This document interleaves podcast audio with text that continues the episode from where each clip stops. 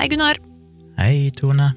Og hei og velkommen til deg som hører på som vanlig, til en ny episode av Virkelig grusomt, der vi forteller eh, virkelige historier om grusomme hendelser på vår egen lille, spesielle måte, som regel uten manus. Det er sånn vi holder på her, da. Um, og nå er vi, vi er litt sent ute denne uka her, men eh, sånn blir det når det er flyttekaos, det er jul og det er masse jobb. Eh, Så ble det bare sånn, eh, rett og slett. Men nå er vi på siste, siste episode for året nå. Eh, Etter i dag så tar vi en liten juleferie til over nyttår, rett og slett. Um, Men hvis du kanskje savner oss i den tiden, så har vi jo en, en, et arkiv med 86 episoder som du kan høre for eksempel om igjen, hvis du har hørt dem allerede. Eh, ellers så har vi både min podkast Nerve og Gunnar har en podkast som heter Tomprat, så hvis du, hører, eh, hvis du savner stemmene våre, så kan du gå og høre på de. Ta også og følg oss på Facebook hvis du eh, har lyst på litt ekstra informasjon, lenker, bilder og sånne ting til hver sak. Gå inn på Facebook og søk på Virkelig grusomt podcast, så finner du oss der, og følg oss gjerne på Facebook. Um, så ja, takker vi igjen for alle tips som er kommet inn, og setter veldig stor pris på alle forslag om ting vi kan snakke om. Eh, send mail til oss på virkeliggrusomt at gmail.com. Eh, så samler vi alle tipsene våre der, og så plukker vi litt fra den eh, bøtta med tips eh, litt sånn iblant. Plutselig en dag så er det ditt tips som kommer på lufta. Så vi sier eh, på forhånd takk, rett og slett. Eh, og vi, det blir en litt annerledes episode i dag. Vi skal, eh, så vidt jeg har skjønt, ikke, ikke bare ha én historie i dag, skal vi ha ti. Eh, Eller eh, hvordan ble det, Gunnar? Ja, vi tenkte bare vi skulle gjøre noe annerledes siden det er jul. Så istedenfor å ha én historie om én spesifikk hendelse, så tenkte jeg å ta mm, Jeg vet ikke De ti verste måtene å dø på Mm, gjennom lurer, på, historien. lurer på hvor du fikk den ideen fra. Hva da?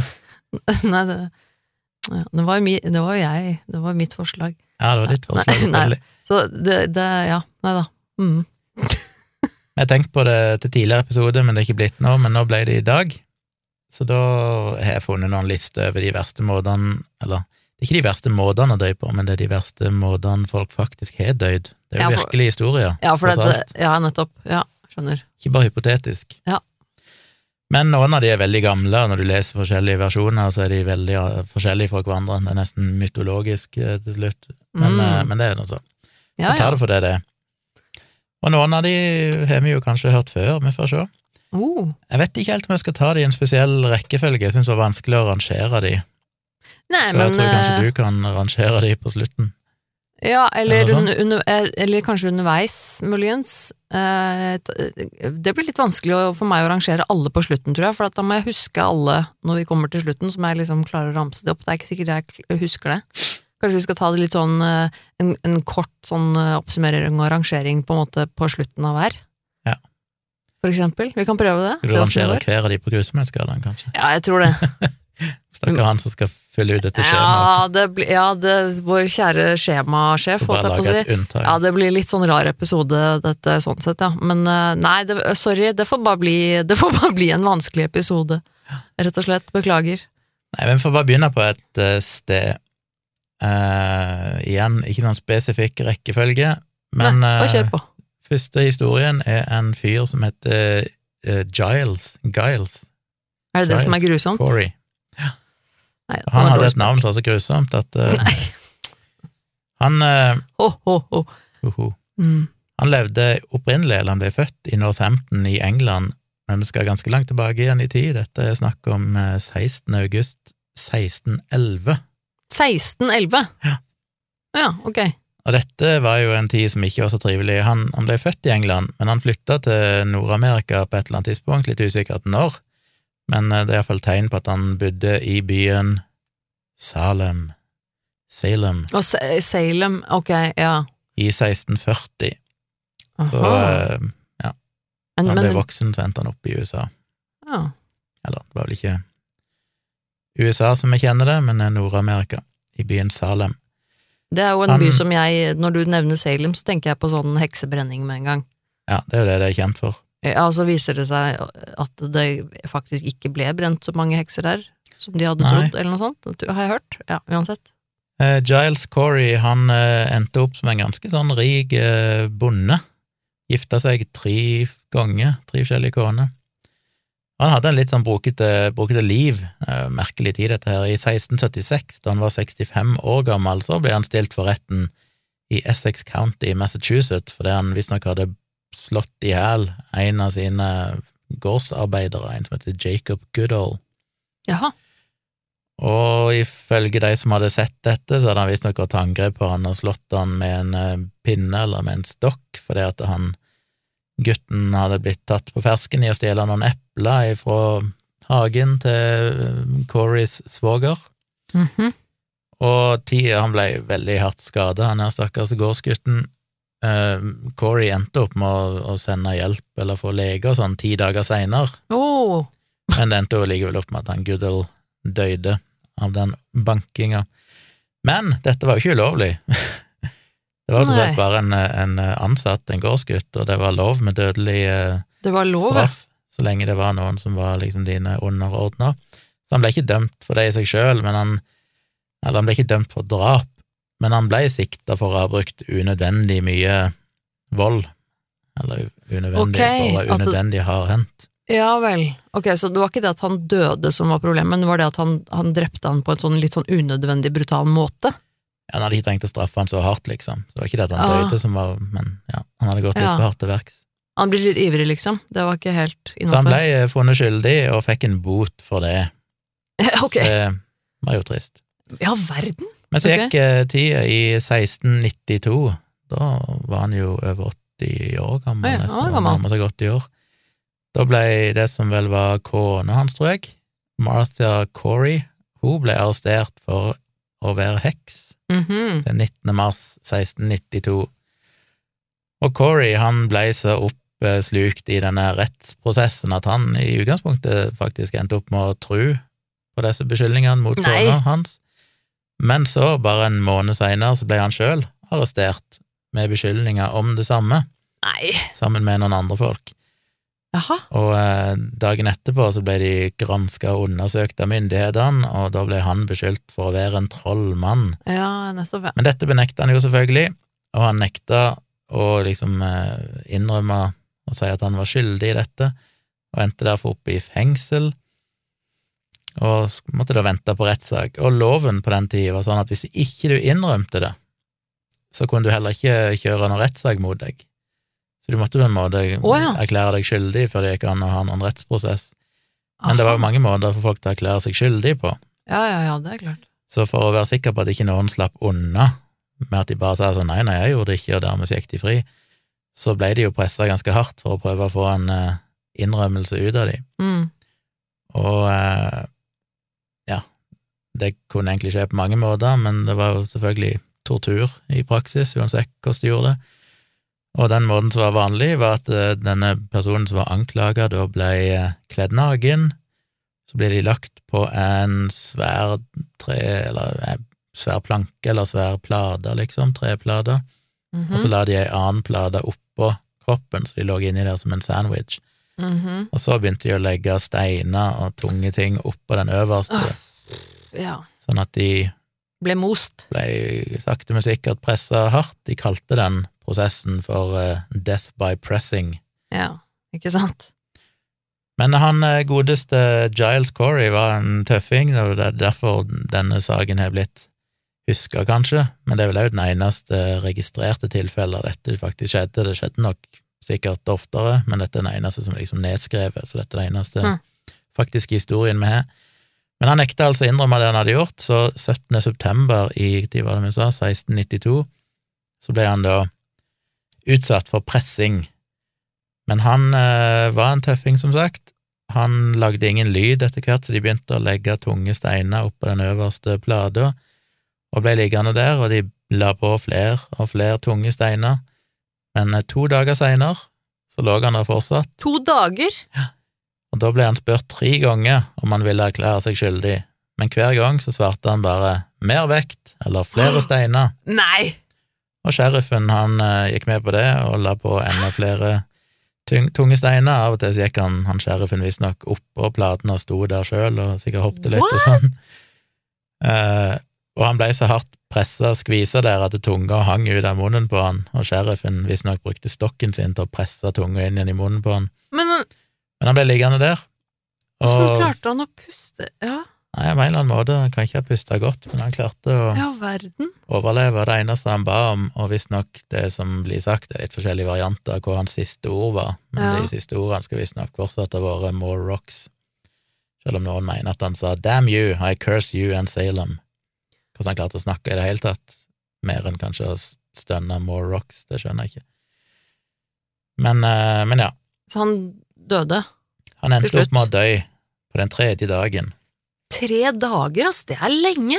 What? Fordelen med at han gjorde det på den måten, at han aldri innrømte skyld, at han heller valgte å dø, var at da ble han jo aldri erklært skyldig, Nei. og dermed så mista han heller ikke eiendommen sin, så det kunne da sønnene hans arve, Ja, eller hans ok. eh, svigersønner, var det vel. Eh, Kona hans ble hengt tre dager seinere. Ja, fordi hun eks- slapp ikke unna den, eh, den tiltalen hun hadde fått, liksom.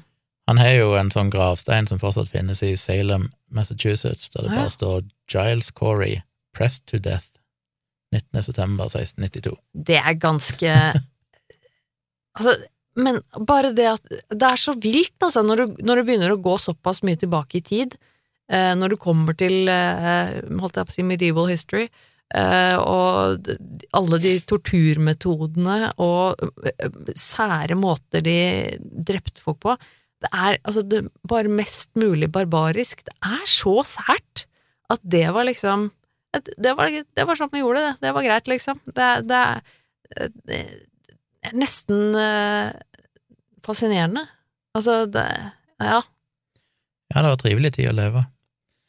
Vi kan ta en eh, annen gammel historie. Skal jeg rate den, eller skal vi hoppe videre? Nei, du kan jo kanskje gi den en rating. Uh, Dette skal jo være de verste måtene å dø på, men Ah. teknisk sett vil jeg jo si at noen av de historiene vi har fortalt, som er litt mer sånn i moderne tid jo, men ok, men dette er jo ganske jævlig, da. For det er jo Da er det jo pressa Så du får jo Du blir jo klemt i hjel. Da vil jo Og mens du ligger der da i tre dager, så er det selvfølgelig at du, du blir jo helt sikkert kald og jævlig. Eh, Får vel ikke mat og vann heller, regner jeg med. Nei, og mat og vann er jo Ja, det er jo én ting. Eh, og du blir jo eh, selvfølgelig vondt å puste og sånn, for du, blir jo, du får jo pressa og Tenk den klaustrofobien du må ha. Fy faen, det hørtes helt jævlig ut. Og så bare liggende liksom med, med hodet sånn klemt, eh, helt til du da dør. Eh, det høres det høres helt jævlig ut. Og jeg tenker de tre dagene, det må, det må være ganske lang tid. Men eh, Fem? Fem? Ja, ok. Men nå aner jeg jo ikke resten, da. Eh, men eh, Vi får ta neste. vi begynner på jeg, Midten er jo et godt sted å begynne, er det ikke det? Balthazar Gerard. Han eh, levde i, på 1500-tallet, fra 1557 til 1584, visstnok. Han eh, Ja, hva var han egentlig? Han var en eh, Han var en slags leiemorder, tror jeg. Som levde på den tida. Leiemorderen til en eller annen sånn eh, opprørsleder. Så han eh, gikk rundt og drepte folk, tydeligvis, som en del av et opprør mot sikkert den sittende styre, sittende styre. Uansett, han eh, endte jo opp til slutt med å bli tatt og skulle da tortureres til døde. Hvilket årstall var dette, sa du? Nei, Hvilket årstall eh, var det vi sa? Fjor- du- 1584. Ja, fem, altså det er enda tidligere. Og nå er vi vel i Hvor er vi hen? Vi er i eh, Frankrike, eller noe sånt, Mm. tror jeg. Iallfall i Europa. mhm. Han ble da til slutt dømt eh, til døden, og først så ble han dømt, og planen var eh, Det er liksom to forskjellige historier her. Det ene er hva han egentlig som skulle skje, det andre var hva som egentlig skjedde. Men de som dømte han, de sa at han eh, skulle få den høyre hånda si brent av Brent en rødglødende jernstang, Ai, ai, ai. og at huden hans, eller kjøttet hans, skulle bli revet av beina hans med en slags klypetenger på seks forskjellige plasser, og så skulle han bli basically for innvollene skåret ut av seg, og hjertet skulle bli revet ut av brystet hans og kasta i ansiktet på han, Ja, og til slutt så skulle de kutte av hodet hans. Ja vel. Det som skjedde, var hans tortur var jo visstnok bli regna for å være ekstraordinært brutal, til og med for den tida der, der dette ikke var så uvanlig. Oi. Så første dagen han satt i fengsel, så ble han hengt ifra en eh, stokk og piska. Deretter så ble sårene han hadde fått etter piskinga, smørt inn med honning, og så tok de inn en geit som da skulle slikke vekk denne honningen, og geitene hadde visstnok en ganske sånn uh, ru Tunge, tunge, så det er sikkert ikke så godt å bli slikka rett i åpne sår. all verden? Men denne geita, den var ikke interessert, tydeligvis. Så istedenfor så torturerte de han litt mer på forskjellige måter, og så ble han lagt på gulvet og skulle bare ligge der med hendene og, og føttene bundet sammen, sånn at han ble liggende som en ball. Mm. Nesten umulig å sove. Og de neste tre dagene så ble han eh, fortsatt torturert og ja, gjort narr av og liksom mobba, alt opp å. Og så hengte de han òg opp på en stokk igjen med begge hendene bundet fast bak ryggen. Og mens han hang der, så tok de òg eh, en stein eller et eller annet sånt som veide 150 kilo, eller to steiner, som veide 150 kilo hver, og bandt de fast til store tå tåa på hver fot, og lot Nei. de henge der i en halvtime hver. Ah. Så bare det å henge med armene bundet bak deg, hvis du da er hengt opp etter armene, er jo temmelig grusomt når de liksom er vrengt opp bak, Ja, så du nesten får skuldrene ut av ledd. Ja, du gjør jo det, da. Da blir jo skuldrene vrengt rundt bakover. Og så få hengt eh, 150 kilos lodd på store tæ- tærne, det er jo ikke sånn. Altså, så da har du på en måte eh, revet av både opp og nede, da. Altså, Jeg vet ikke hva som egentlig skjedde. det blir jo i hvert fall revet, eh, revet, omtrent revet eh, fra hverandre etter armene, og så etter eh, fra tærne etterpå. Jesus. Han levde den iallfall fortsatt, for til slutt så ble han eh, Eller så satte de på han to sko som var laga av sånn upreparert, kan du vel si, hundeskinn. Hæ? Som var veldig godt olja, så det var liksom fuktige.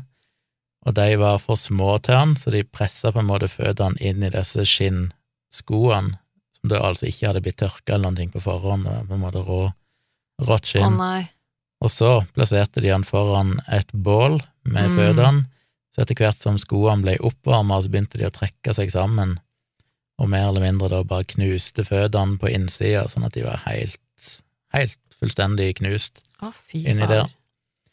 Når de til slutt tok av han skoene, så ble jo òg mye av huden bare revet av, fordi at det var, var jo forbrent og sånn Ja. etter den varmen.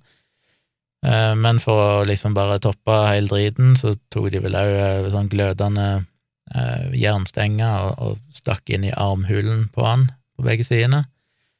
Og så kledde de han i ei skjorte som de hadde dunka i alkohol, og så tømte de eh, baconfett over hele kroppen hans, Nei. og stakk skarpe spiker inn mellom neglene og fingertuppene Ja. og tærne. Ikke sant.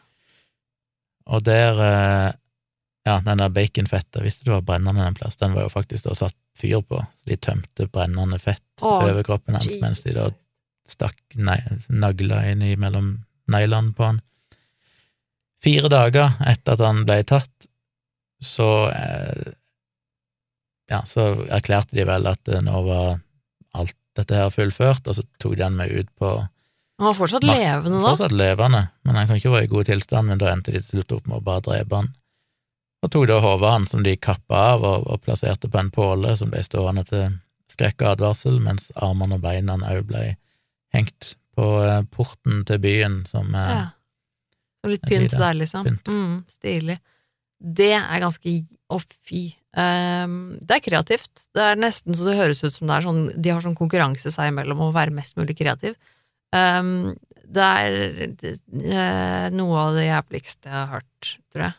Det må jo være ti. Det må jo være ti, er det ikke det? Det er jo. Jo, det er vanskelig å tenke seg noe Oh, ja, vi er ti. mer brutal måte å dø på. Ei, ei, ei, fy fader. Ja, ti. En annen sak som er litt ferskere, da skal vi tilbake da skal vi til Irland, eh, til en fyr som heter Michael Malloy, som ble Oh. født i 1873 Det navnet har jeg hørt. og levde til 22. februar 1933. Han ble jo kalt for, eller senere så ble han huska som Mike the Durable, eller Iron Mike. Han var rett og slett en hjemløs irsk mann. Så, nei, vi skal ikke til Irland, han bodde jo, dette var faktisk i New York. Oh. Han var født i Irland, Ah. men han levde som hjemløs i New York på 20- og 30-tallet. Han hadde tidligere vært brannmann. 19, 20, 30. Ja, Ja. 1920- og 30-tallet. Han hadde tidligere vært brannmann, hadde visstnok uh, Ja, nei, det skal vi ikke si ennå. okay. I begynnelsen av januar 1933, da han var arbeidsledig og alkoholisert og hjemløs, så var det fem av, jeg vet ikke om jeg kan kalle det venner akkurat, men fem uh, bekjente, som heter Tony Marino og Joseph Red Murphy, Francis Pasqua, Hershey Green og Daniel Mhm. de fant ut at de skulle ta livet hans Jaha. for å kunne samle inn litt forsikringspenger, noe livsforsikring. Var, var de i familie, liksom? Gudene vet at de skulle gjøre det, men det var jo ja, okay. planen. Så de tenkte at de skulle rett og slett bare få han til å drikke seg sjøl i hæl. Han var jo allerede alkoholisert, de tenkte at uh, hvis vi bare får han til å drikke seg i hæl, så kan vi da Mhm. lure systemet og tydeligvis få hente ut livsforsikringen hans. Så Marino, han eh, eide en slags pub, så han ga rett og slett Meloy en sånn ubegrensa rett til å drikke så mye han ville, helt gratis der inne. Aha. Og de tenkte at da kom han sikkert til å drikke seg i hjel. Og selv om han drakk og drakk store deler av døgnet, så satt han egentlig bare og drakk, så døde han hvis ikke av det. Så etter hvert så tok eh, Meloy og bytta ut noe av alkoholen med frostvæske. Nei! Men det fortsatte han å drikke uten noe problemer. Hæ? Og grunnen til det, og frostvæske er vel òg egentlig det er vel metanol. Ja. Grunnen til at jeg ikke drepte han, er jo at etanol er jo faktisk en uh, motgift mot metanol. Så hvis du drikker nok etanol først, altså vanlig alkohol, Nei. så blir ikke den metanolen tatt opp. Så det kan være at det gjorde at han uh, overlevde det. Seriøst? Etter hvert så bytta de ut denne her frostvæska med terpentin, og så bytta de det ut med noe som heter horse lineament, som jeg vel en, så var en eller annen form for heste... Ikke medisin, et eller annet de smører på hesten som er giftig, iallfall.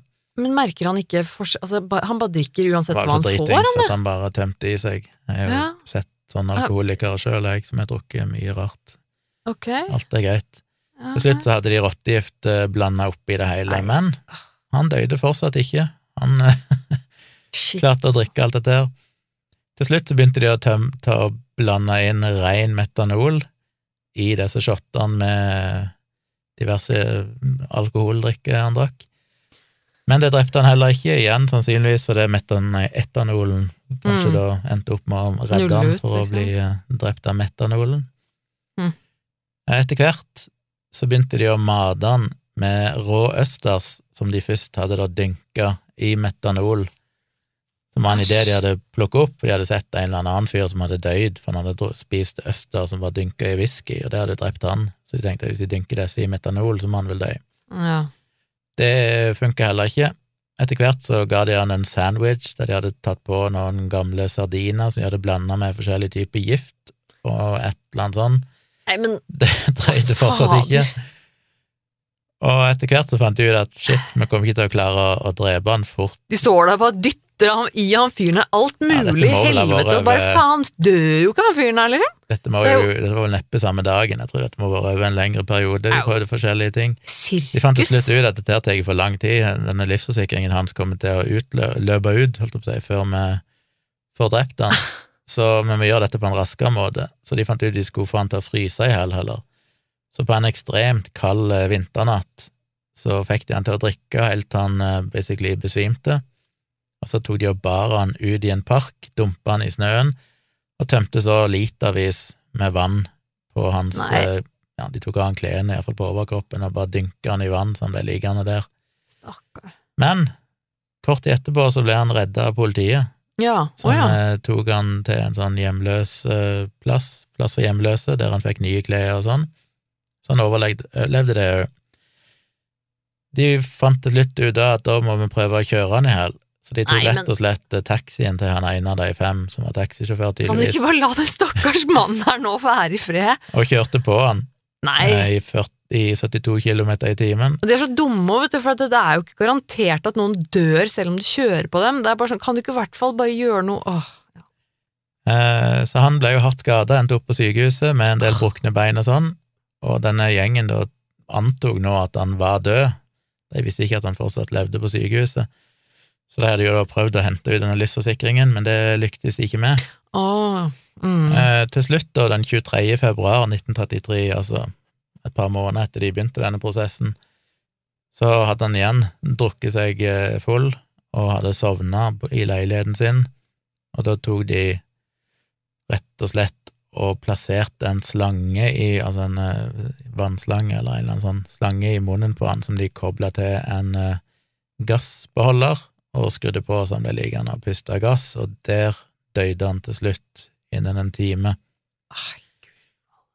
Eh, Så fikk de en lege som heter doktor Frans Manzella til å signere på et sånn dødssertifikat der det sto at han døde av lungebetennelse, og Ja. fikk han begravd veldig fort.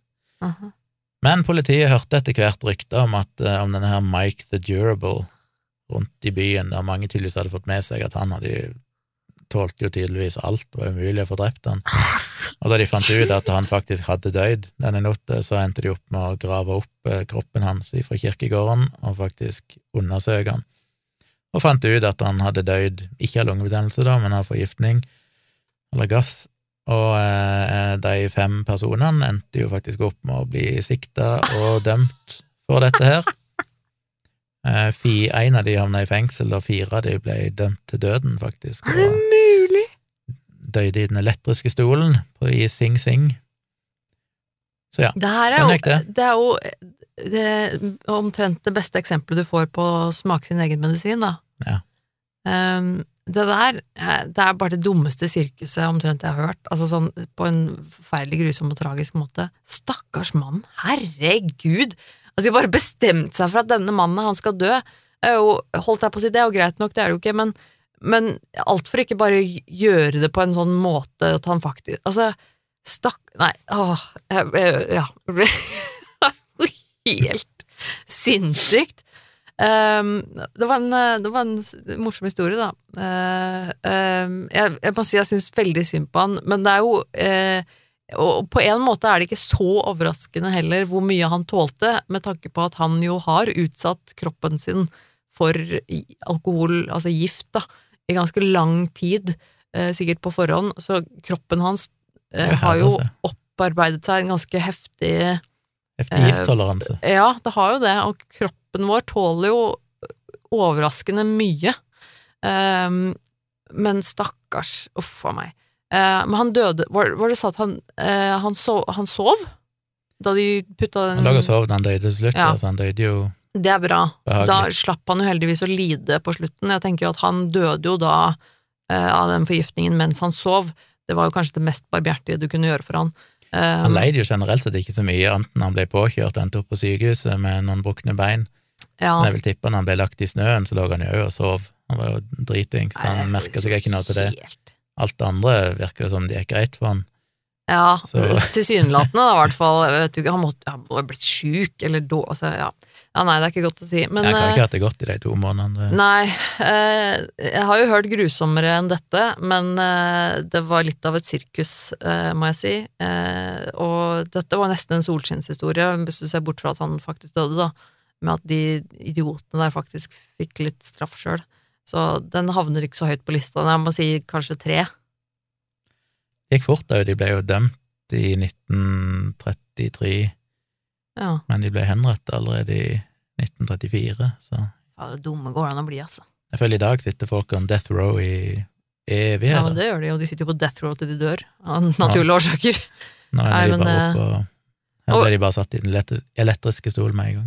Ja. Nei, nei, nei. Det, det var dårlig forsøk, folkens. Så må folk ta seg sammen. Det der går ikke an. Så til en historie vi har hørt før. oh. eh, som figurerer på de fleste lister. Noen rangerer det som nummer én av verste dødsfall. Det er jo den godeste Hiroshi Uchi, som i 1990, 1999 Japaneren, japanske det- japanske atomingeniøren, Ja, eller hva du kaller han, som endte Ja, opp med å få en dødelig dose med, med radioaktiv stråling. Han har vi jo hatt en hel episode om. Så gå tilbake igjen og sjekk ut episoden om han, der dere kan høre i detalj hvordan det gikk for seg. Men kortversjonen er jo at han ble utsatt for en enorm mengde med stråling grunnet et arbeidsuhell, og han eh, ble jo lagt inn på sykehuset. Etter hvert så begynte jo huden hans å dette av, og oh, ja. han delte jo bilder av det tidligere, ligger inne på Facebook-sida. Ja, Der han ligger basically bare som en, en klump med kjøtt uten å ha hud på seg. Mm. Men de holdt han i live, selv om de egentlig selvfølgelig bare burde egentlig gitt han en overdose morfin. eller et eller annet. Ja, virkelig, altså.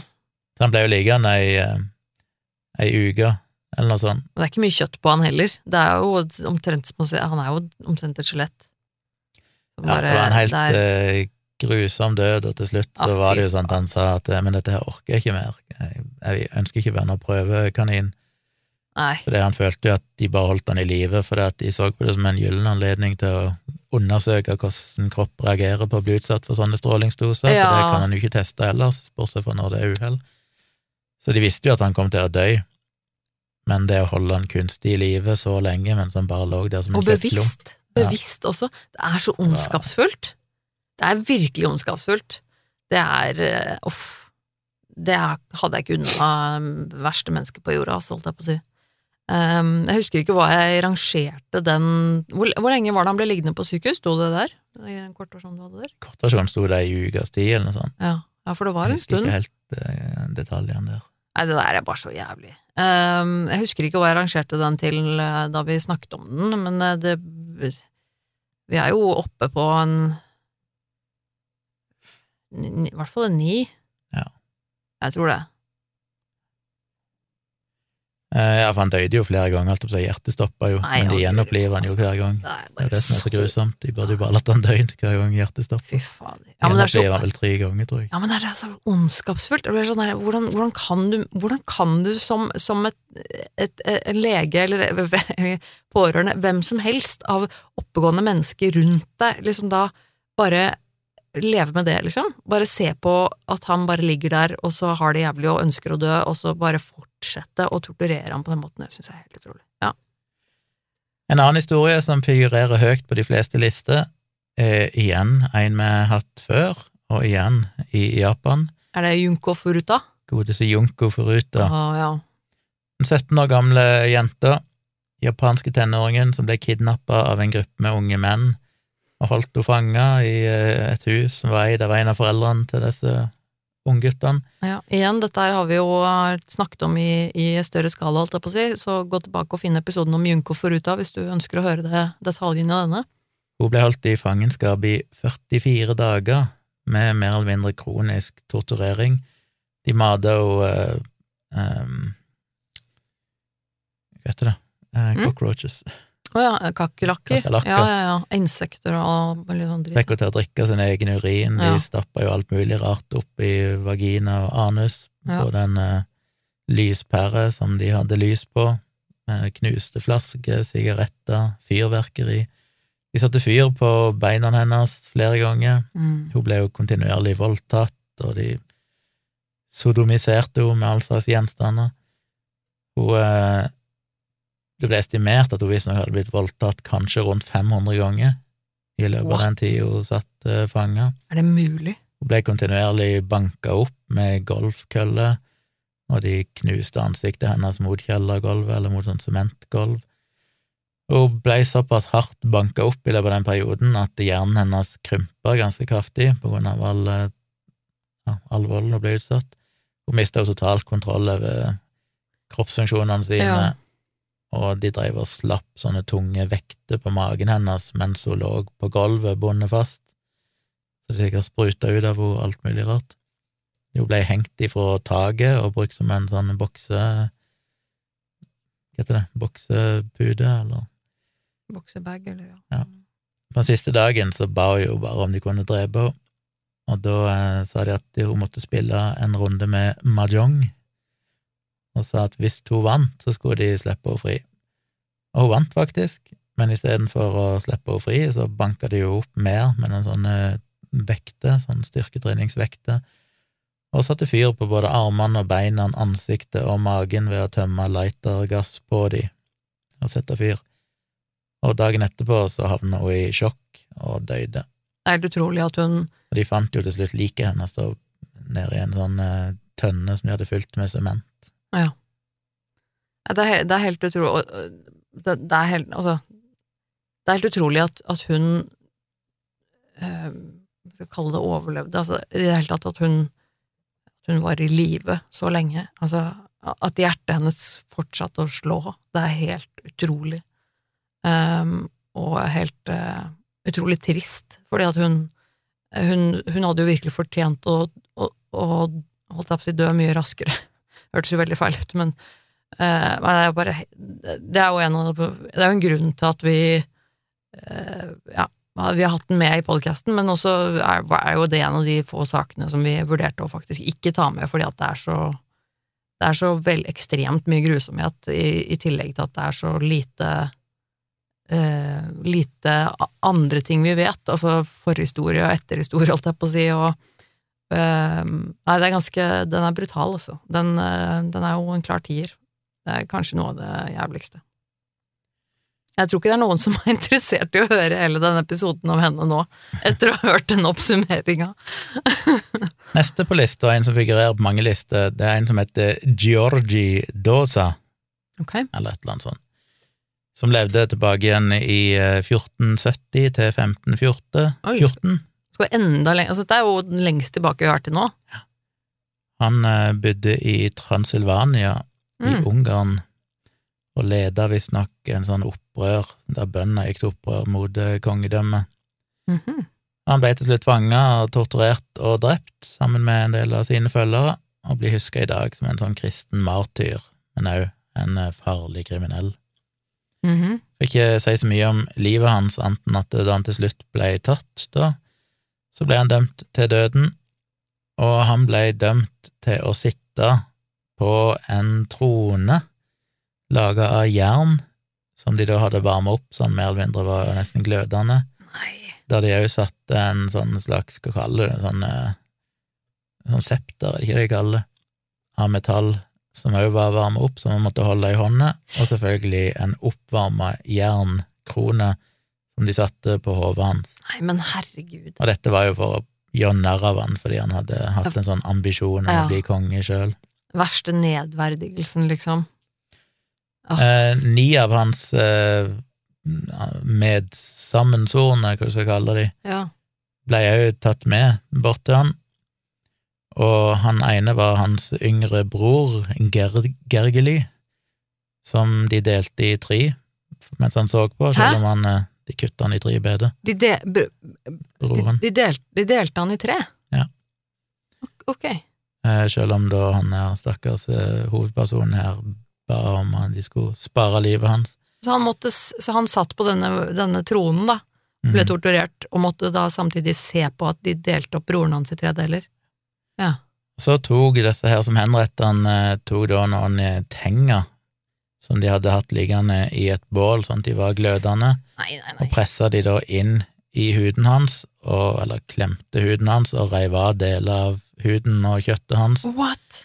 og så kommanderte de disse ni rebellene, eller iallfall de åtte som var gjenlevende, til å gå bort og bite han i de områdene der de hadde revet av han huden, Bite? Og, ja, og ta, liksom bite ut et kjøttstykke og svelge det. Nei, Hva i all verden?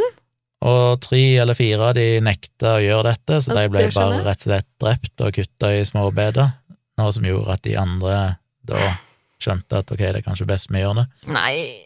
Så de gjorde det. Eh, Dosa, altså han hovedpersonen, han endte jo opp med å dø av dette til slutt, mens de, eh, ja, hva blir det, kanskje en fire-fem stykk, som valgte å adlyde kommandoen om å spise kjøttet hans mens han satt der levende, de ble sluppet fri, faktisk. Ble de? Ja. What? Så han døde av denne torturen. Eh, I tillegg så var det vel 70 000 andre bønder som endte opp med å bli torturert som eh, straff for at de hadde gjort et opprør, så det var jo ikke rent få. Ugh. Ikke Ja, så veldig hyggelig. Men nei, men veldig kreativt. Igjen. Eh, poeng for kreativitet, må jeg si. På det jævligste mulige måte å torturere noen på. Hva faen, altså det er jo helt ehm, Må jo gi Det er, altså, det er ille, altså. Det er, det er ganske ille. Eh, er, vi, er, vi på Er vi på ni? Bare fordi at det gikk forholdsvis fort, vil jeg tro. Ja, Eh, jeg tror vi sier ni, jeg. Å, fy fader. Det er fort og fort. Det må ha vært Ja, men sånn i forhold til Junko, som for eksempel Ja. hadde 44 dager. Det var ikke da. Nei, ikke sant? Så ut til å ha skjedd i løpet av en dag, dette. Altså. Ja, så da trekker vi det ett hakk ned, liksom. En annen historie som dukker opp på mange lister, er jo òg en historie vi har hatt før, og oh, ja. en historie som skjedde i Norge, oh. som er Byford Dolphin-ulykka. å ja. Den ulykka der eh, på den her eh, oljeriggen, Mm. der det var ja, Hva var det historien var? Tilbake i 1983. Da det var, var det tre stykker vel som jobba på sånn dypt vann, og for å slippe hver gang de skulle komme opp, at de måtte dekomprimere, som da kunne ta veldig lang tid, og så måtte de da ned igjen seinere og jobbe, ikke sant, så Ja, det var ble det veldig lite nordsjødykkere, var det ikke det? ja, det Ja. det veldig lite aktiv jobbing hvis de hele tiden måtte dekomprimere og sånn. Mm. Så det de gjør, er at de basically bare kryper inn i en, sånn jernkule som holder samme trykket som bunnen av havet, Mm. sånn... og så sånn- blir de heist opp og blir bare holdt i det trykket, og så kobler de den jernkula til en sånn slags oppe, en sånn eh, leilighet, holdt jeg på å si. en liten bunker, på en måte? en liten bunker egentlig, oppå riggen der, som også er som de bare går inn i, som er høyt trykk, så de kan Mm. bare leve under samme trykket som de er i bunnen av havet, mens de har pause og sover og sånne ting, og så kan de bare gå inn i den jernkula igjen og Mm. bli senka ned og jobba videre, så da Ganske slipper de å liksom altså. drive og dekomprimere seg hele tida. Mm. Og så var det jo ei ulykke da, der ingen helt vet hva som skjedde, men eh, en eller annen festemekanisme som ikke ble festa skikkelig når de kobla Ja. denne jernkula til det røret som led inn i de, den plassen de kunne bo.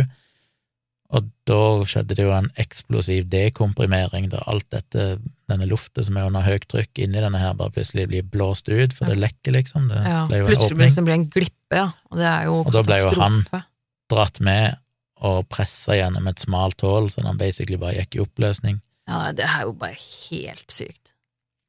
Så hans kroppsdeler ble jo bare sugd ut og slengt Så utover. du blir jo egentlig bare, bare Og så pressa igjen, og så sprutet ut på andre siden, på en måte, for å si det litt sånn grafisk. Eh, han døde jo fort. Ja, det var vel fire, kanskje, så tre av de andre døde jo òg. Men de døde, de døde, de jo ja. mer av at når du blir raskt dekomprimert, så Ja. begynner det blod å koke. Ja. og- Det var sånn det var. Så de døde jo ganske spontant, de òg, men de ble ikke knust, de bare døde mens de lå i sengene sine. Ja, stemmer. Så det var flere enn bare han som døde, ja. Ja, Ja. det var sant, det. Men det var han som ble sugd ut, så det Ja. var han som hadde det mest brutale. Ja, det er, det er rimelig brutalt, altså. Ekstremt Eh, brutalt, men det er jo Kjapt. kjapt. Du dør jo på et sekund, liksom, så eh, det er jo det er en ganske smertefritt. ganske, ja, ja, ja, det er det nok. Jeg vil tro det er ganske smertefritt. Siden det skjer så kjapt, så lider han jo ikke, og det er vel nesten så han ikke rekker å bli redd engang, på en måte. Du dør liksom så fort at du egentlig ikke skjønner hva som skjer. Det er jo selvfølgelig en helvetes eh, oppryddingsjobb og så videre, det er jo litt sånne ting, men utenom det eh, Altså, det er jo groteskt og veldig ekkelt, men eh, eh, Oi, eh, to? Tre?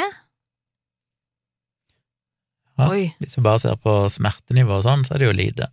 Men i, sånn, Ja. i, i sjokkfaktor så er det jo I sjokkfaktor er det jo ganske høyt. ganske Ja, men jeg må sammenligne det litt med de andre vi snakker om her også. Jeg mener jo på en måte at det, det er liksom bare Ja. splatt, og så er du borte. Altså det er litt sånn Ja, det er, det er brutalt og grusomt, men uh, han slapp heldigvis å lide. Jeg vet ikke, tre. Jeg sier tre, jeg.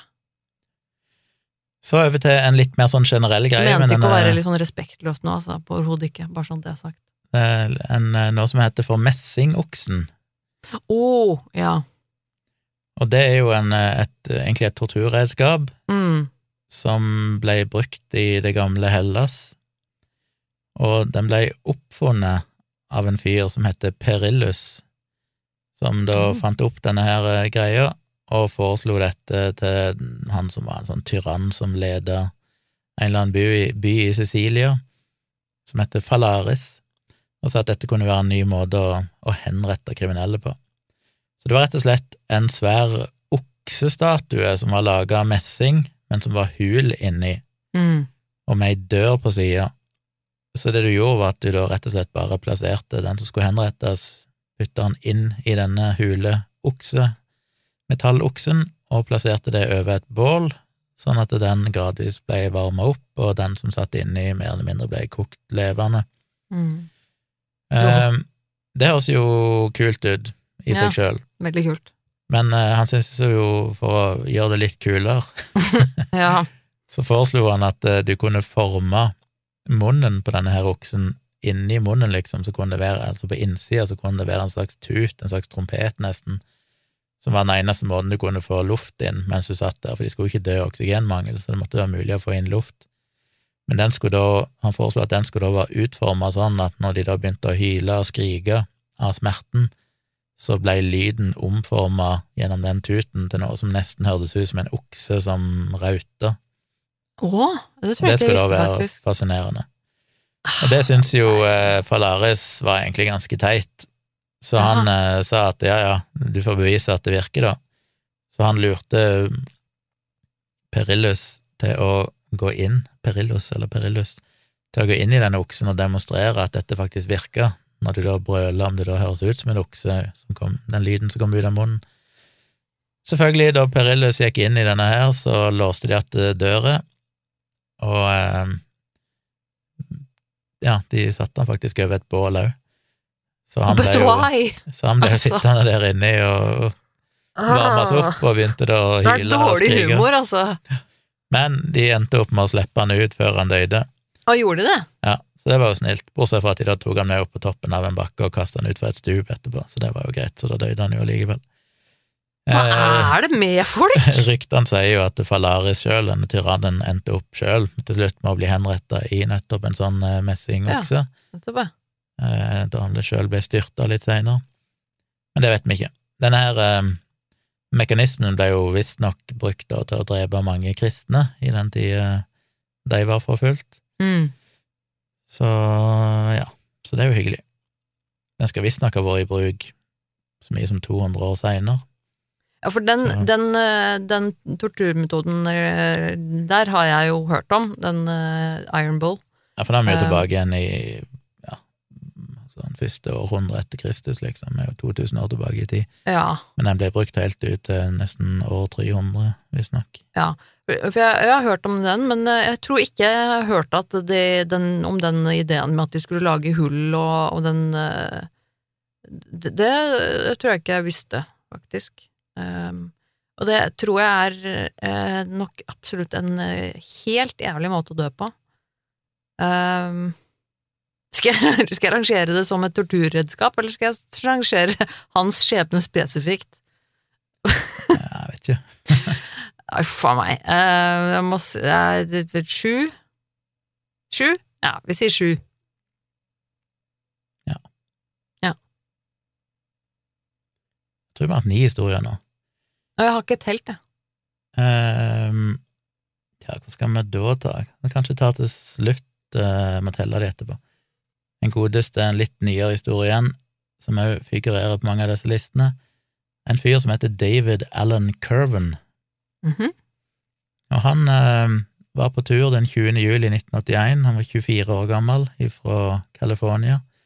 Kjørte gjennom Yellowstone nasjonalparken i USA, eh, et sted som heter Fountain Paint Pot, som er en plass med masse sånne, hva heter det, varmekilder, kokende vann, oh, mm. sammen med sin venn Ronald Ratcliffe og hunden til Ratcliffe, som heter Moosey. Nei, ikke hunden.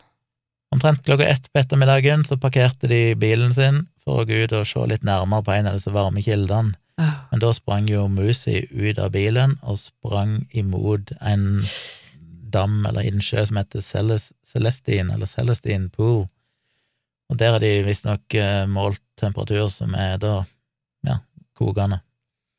Ja. Han eh, hoppte i vannet, Bikkja? hunden, Nei, og begynte begynte selvfølgelig å eh, hyle og skrike. Nei. Curven og Ratcliffe de sprang bort til denne dammen for å hjelpe denne hunden, og eh, Curven viste at han tenkte faktisk å gå ut i vannet for å hjelpe hunden, men det var selvfølgelig What? da mange rundt som sa at ei, du må ikke, må ikke finne på det, men han sa bare like hell I won't, og så What? hoppet han oppi vannet, stupte uti med hodet først, oppi det kokende vannet.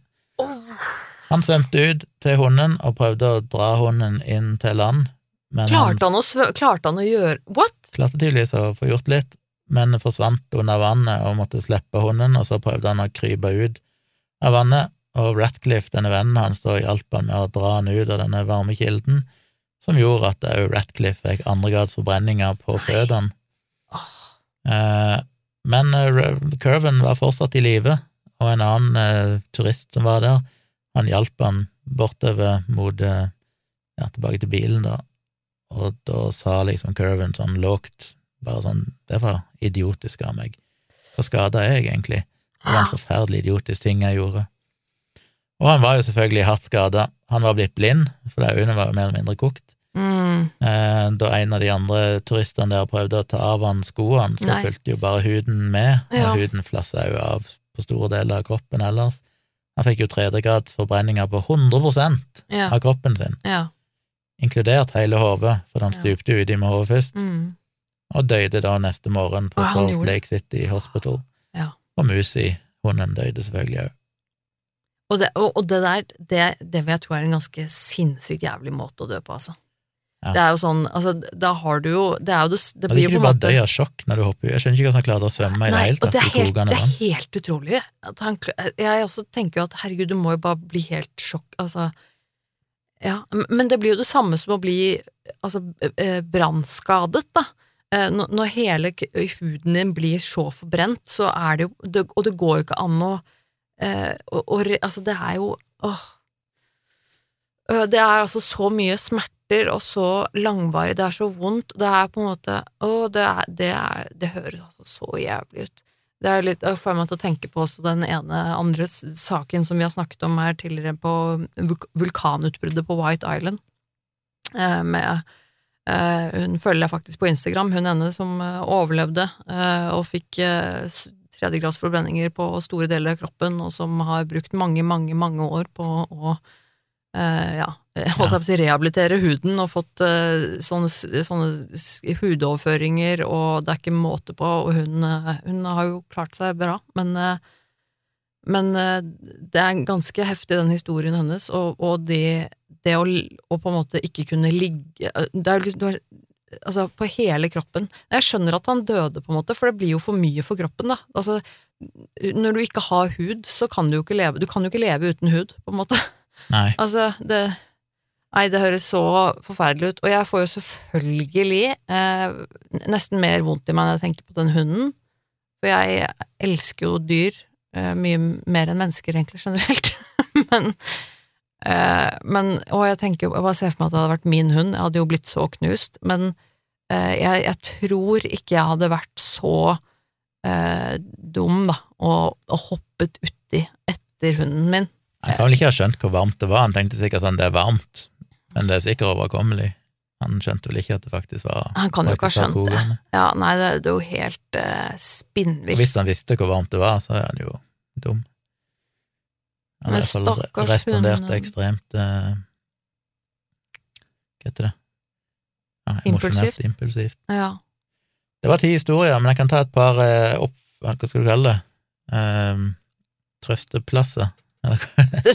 Trøst, trøste, trøstehistor- trøsteplaster på såret-historier, som også er Altså, grusomme, en eller var det sånn grusom. Den er ikke den eneste som ikke er knytta spesifikt til en person. Skulle ikke tatt noe oppløftende på slutten, altså.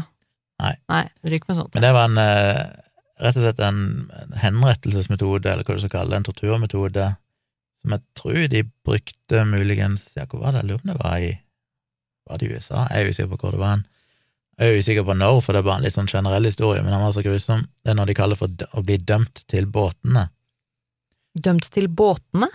Og det de gjorde da, var at de tok den som skulle drepes, og kledde de nakne, og bandt de hardt fast inni en uh, liten båt, nesten som en kano. Aha. Eh, Liggende en, nedi der, liksom, da? ja, kunne òg være en uthula trestokk. Ok. Og så tok de visst det samme oppå, så det basically to kanoer eller tre stokker plassert oppå hverandre, da. Og -hmm. Det ble liggende der, men med hodet, hendene og føttene stakk da ut, sånn at kroppen var egentlig dekka til av en kano oppå en kano, sånn relativt skjerma, men både hodet og hendene, eller armene og beina, stakk ut. Hodet, armene og beina? Ok. Og så tvang de da denne personen til å drikke så mye melk og honning til at de fikk en enorm diaré? Og ble da liggende og egentlig bare drite på seg. Og så tømte de masse honning over kroppen, spesielt på øye, øre, munn, eh, kjønnsorgan og anus. Av og til så blanda de melk og honning og tømte det utover hele kroppen på de. Og så sendte de de ut på en eller annen eh, skikkelig sånn innsjø med sånn stillestående vann og masse gjørme og insekter, en plass der det er skikkelig ille, sikkert lukter vondt. Og ble bare liggende der i sola på denne båten okay. med masse bæsj og da dekka i honning og melk, What? som gjorde at det etter hvert ble tiltrukket mye insekter, som selvfølgelig kom på hender og kjønnsorgan og ansikt og overalt, og begynte å legge egg og bore seg ned i huden og så videre, og det kom bare flere og flere insekter, og etter hvert så fikk de jo blodforgiftning og ble liggende der, og lemmene deres mista jo blodtilførselen. De sørga gjerne for å mate de hver dag, så at ikke de skulle dø av matmangel, de skulle holde holdes i live. De skulle ligge der nakne, dekka fra hode til bein med bare melk og honning og deres egen avføring, og endte jo til slutt som regel opp med å dø av rett og slett bare forgiftning for det, eller septisk sjokk. Mm. Og etter noen dager så pleide de jo selvfølgelig å havne i, i sånn delirium, at de bare. Så det høres ut som en ganske ille måte å dø på. Det har jeg aldri hørt om før. Det, er jo, det, er, det er poeng for kreativitet her. Det er jo helt Ja. Hvem er det som finner på disse tinga her, da? Er jo jeg, Altså, jeg, jeg, jeg merker jeg sitter underveis og tenker Hva er det neste Altså, når, du- når du forteller dette her Jeg ikke har hørt om det før. Og når du forteller først med disse båtene eller, eller trestokken og sånn og sånn, og så bare det sånn, ok, eh, hvis det var meg, og jeg skulle tenke Jeg hadde ikke kommet på dette her, ikke fra de villeste fantasier, liksom. Herlig når du lever i en tid der det er Bare- sånn, det er ingen moralske hemninger. Altså, hva er det for noe? Det bare kom på de verste tingene. Da kan en bli ganske kreativ. ja, det må jeg si, altså. Den mest kreativt. kjente personen på lista her er vel kanskje Grigori Rasputin. Ja. Grigori Jefimovic Rasputin, som jo er et kjent navn, som levde fra 21. januar Da snakker vi om eller 9. eh, januar 1869 til 30. desember eller 17. desember 1916, mm, som var en russisk mystiker mm. og selverklært hellig person. Hvis det er noen som har sett filmen om Anastasia, så, har de, så, så vet Mm. de hvem eh, Rasputin var. tilbake i det gamle Russland. Han ble jo etter hvert veldig kjent og, og alt mulig rart, men til slutt var det noen som ville at han skulle dø. Det var en eh, gruppe med kongelige, tror jeg, som ble ledet av prins Felix Yusupov eh, og en eh, høyrevridd politiker som heter Vladimir Purishkevitsj.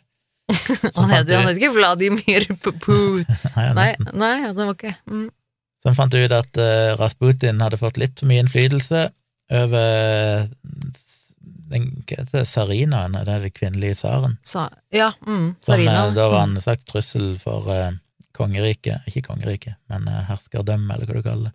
Tsarriket? Nei. Så de fant ut i desember 1916 at de skulle drepe han. Ja. Og det gjorde de ved å lure han til Yusupovs uh, Moikas palass.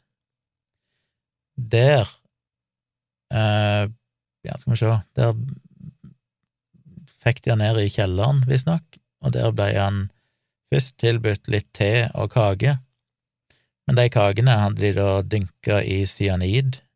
Oh. Så først så ville ikke Rasputin spise de, men etter hvert så begynte han å spise de allikevel, og til Yusupovs store overraskelse så så det ikke ut at han egentlig merka så mye til denne giften. oi. Rasputin spurte så for noe madeiravin, og den hadde de selvfølgelig òg forgifta, og drakk tre, drakk tre glass av det, men så ikke ut til å bære preg av det heller. Jøss. Så rundt halv tre på natta så sa Yusupov at eh, han unnskyldte seg og sa han måtte bare gå opp eh, på, i andre etasje en liten tur, og der satt de andre som han konspirerte sammen med og venta på han. Der henta han en pistol, gikk ned igjen i kjelleren og sa til Rasputin at du får ta altså, gå bort til krusifikset og si en bønn, for det sto et krusifiks der inne.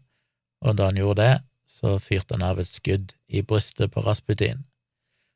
Og han eh, kollapsa, og disse konspiratørene da hoppet ut av eh, dette slottet, eller hvor de var, og drog til Rasputins eh, leilighet, eller der han bodde, der en av de hadde kledd seg ut som Rasputin, tok på seg frakken hans og hatten hans, sånn at hvis noen så de, så skulle det se ut som at de hadde sett at han reiste hjem igjen den natta. Mm.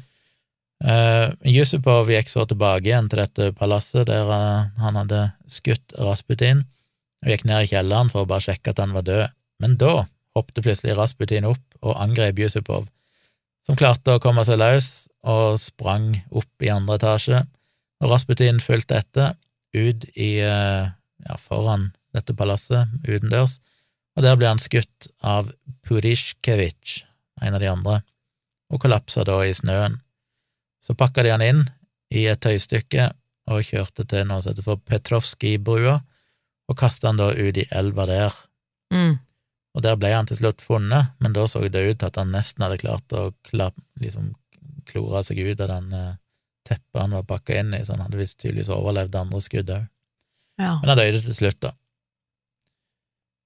Så det blir jo regna som en av de mindre behagelige måtene han døde på. Oi, sorry, nå dunker jeg borti mikrofonen. Nei, jeg syns ikke det er så, så kreativt, helt ærlig. Basically forgifta og skutt noen ganger. Ja. Men han ble jo liggende ganske lenge med skuddsår. Ja, altså, det er sikkert ikke noe hyggelig. Det er det nok ikke. Men, eh, men eh, jeg syns ikke det var så kreativt. Jeg Må si jeg er skuffa over russerne der, altså. Det var ikke Han er kanskje på imponerende. lista for han er så kjent. Ja, det, ja det, er, og det er det jo. Det er jo en veldig kjent historie, og den, eh, jeg husker jo eh, Disney for mange år siden lagde jo en, eh, en, eh, en film, en Disney-film om eh, den historien til prinsesse Anastasia som forsvant, og eh, ja.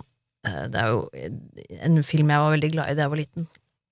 Det er jo egentlig en veldig eh, Det er jo en spennende historie. Det er jo en, veldig kjent historie, og det er vel eh, mest eh, kanskje derfor eh, han er blitt så kjent, eller den historien er blitt kjent, da. Ta med Men, en, eh, en helt siste en som er veldig kort. Ja. Eh, Jeg trenger ikke rangere Rasputin. Eh, Det er igjen Japan. Ishikawa Goemon, som levde på 1500-tallet.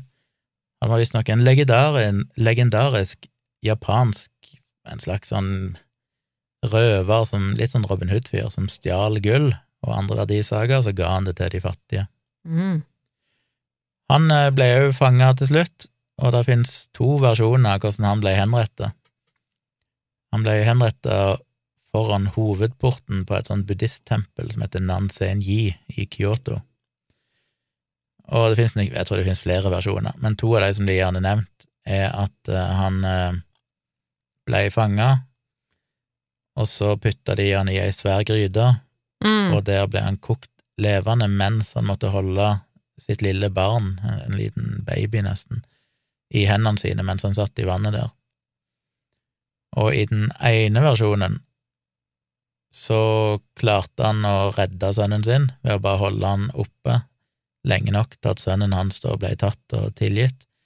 I den andre historien, som er den mest grusomme, så holdt han sønnen over hodet så lenge han kunne, så lenge han hadde krefter til det, og når han fant ut han ikke orka mer, så tok han sønnen og veldig fort bare dunka han ned i vannet og holdt han unna så han skulle dø fortest mulig.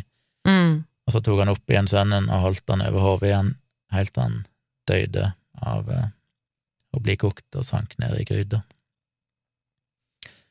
Så det er jo en eh, trivelig måte å dø på, å bare bli kokt sakte mens Det er liksom én ting det fysiske å bli kokt sakte, men den psykologiske greia med at du holder sønnen din i hendene og tenker at jeg må redde sønnen min, jeg må holde han over hodet mitt så lenge jeg kan. Det er litt sånn next level evil, altså. Ja, når du da skjønner at dette her klarer jeg ikke lenger, så finner du ut at jeg må bare drepe sønnen min fortest mulig, så la meg bare Ja, det er kjøre han ned i vannet og la han bli kokt. Ja, det, er- det er ganske Det er en veldig enkelt, men Ja. samtidig en av de mer Det er liksom psykologisk terror i tillegg Ja, det, det, er, det er noe Det er en litt annen eh, Ja, når du får det derre Uff, ja. Ja, jeg er enig. Så det var det. Det var 12 eller 13 historier. Jeg Jeg syns- det i surr. Jeg syns det var raust, Uh, må vi jo si.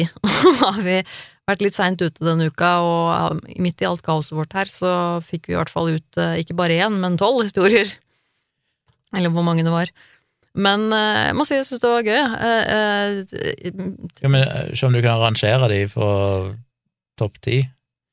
Veldig kjapt. Georgi Dosa, som altså ble torturert ved å sitte på en glødende kongetrone og fikk kløpe av men jeg husker jo ikke nå hva jeg sa.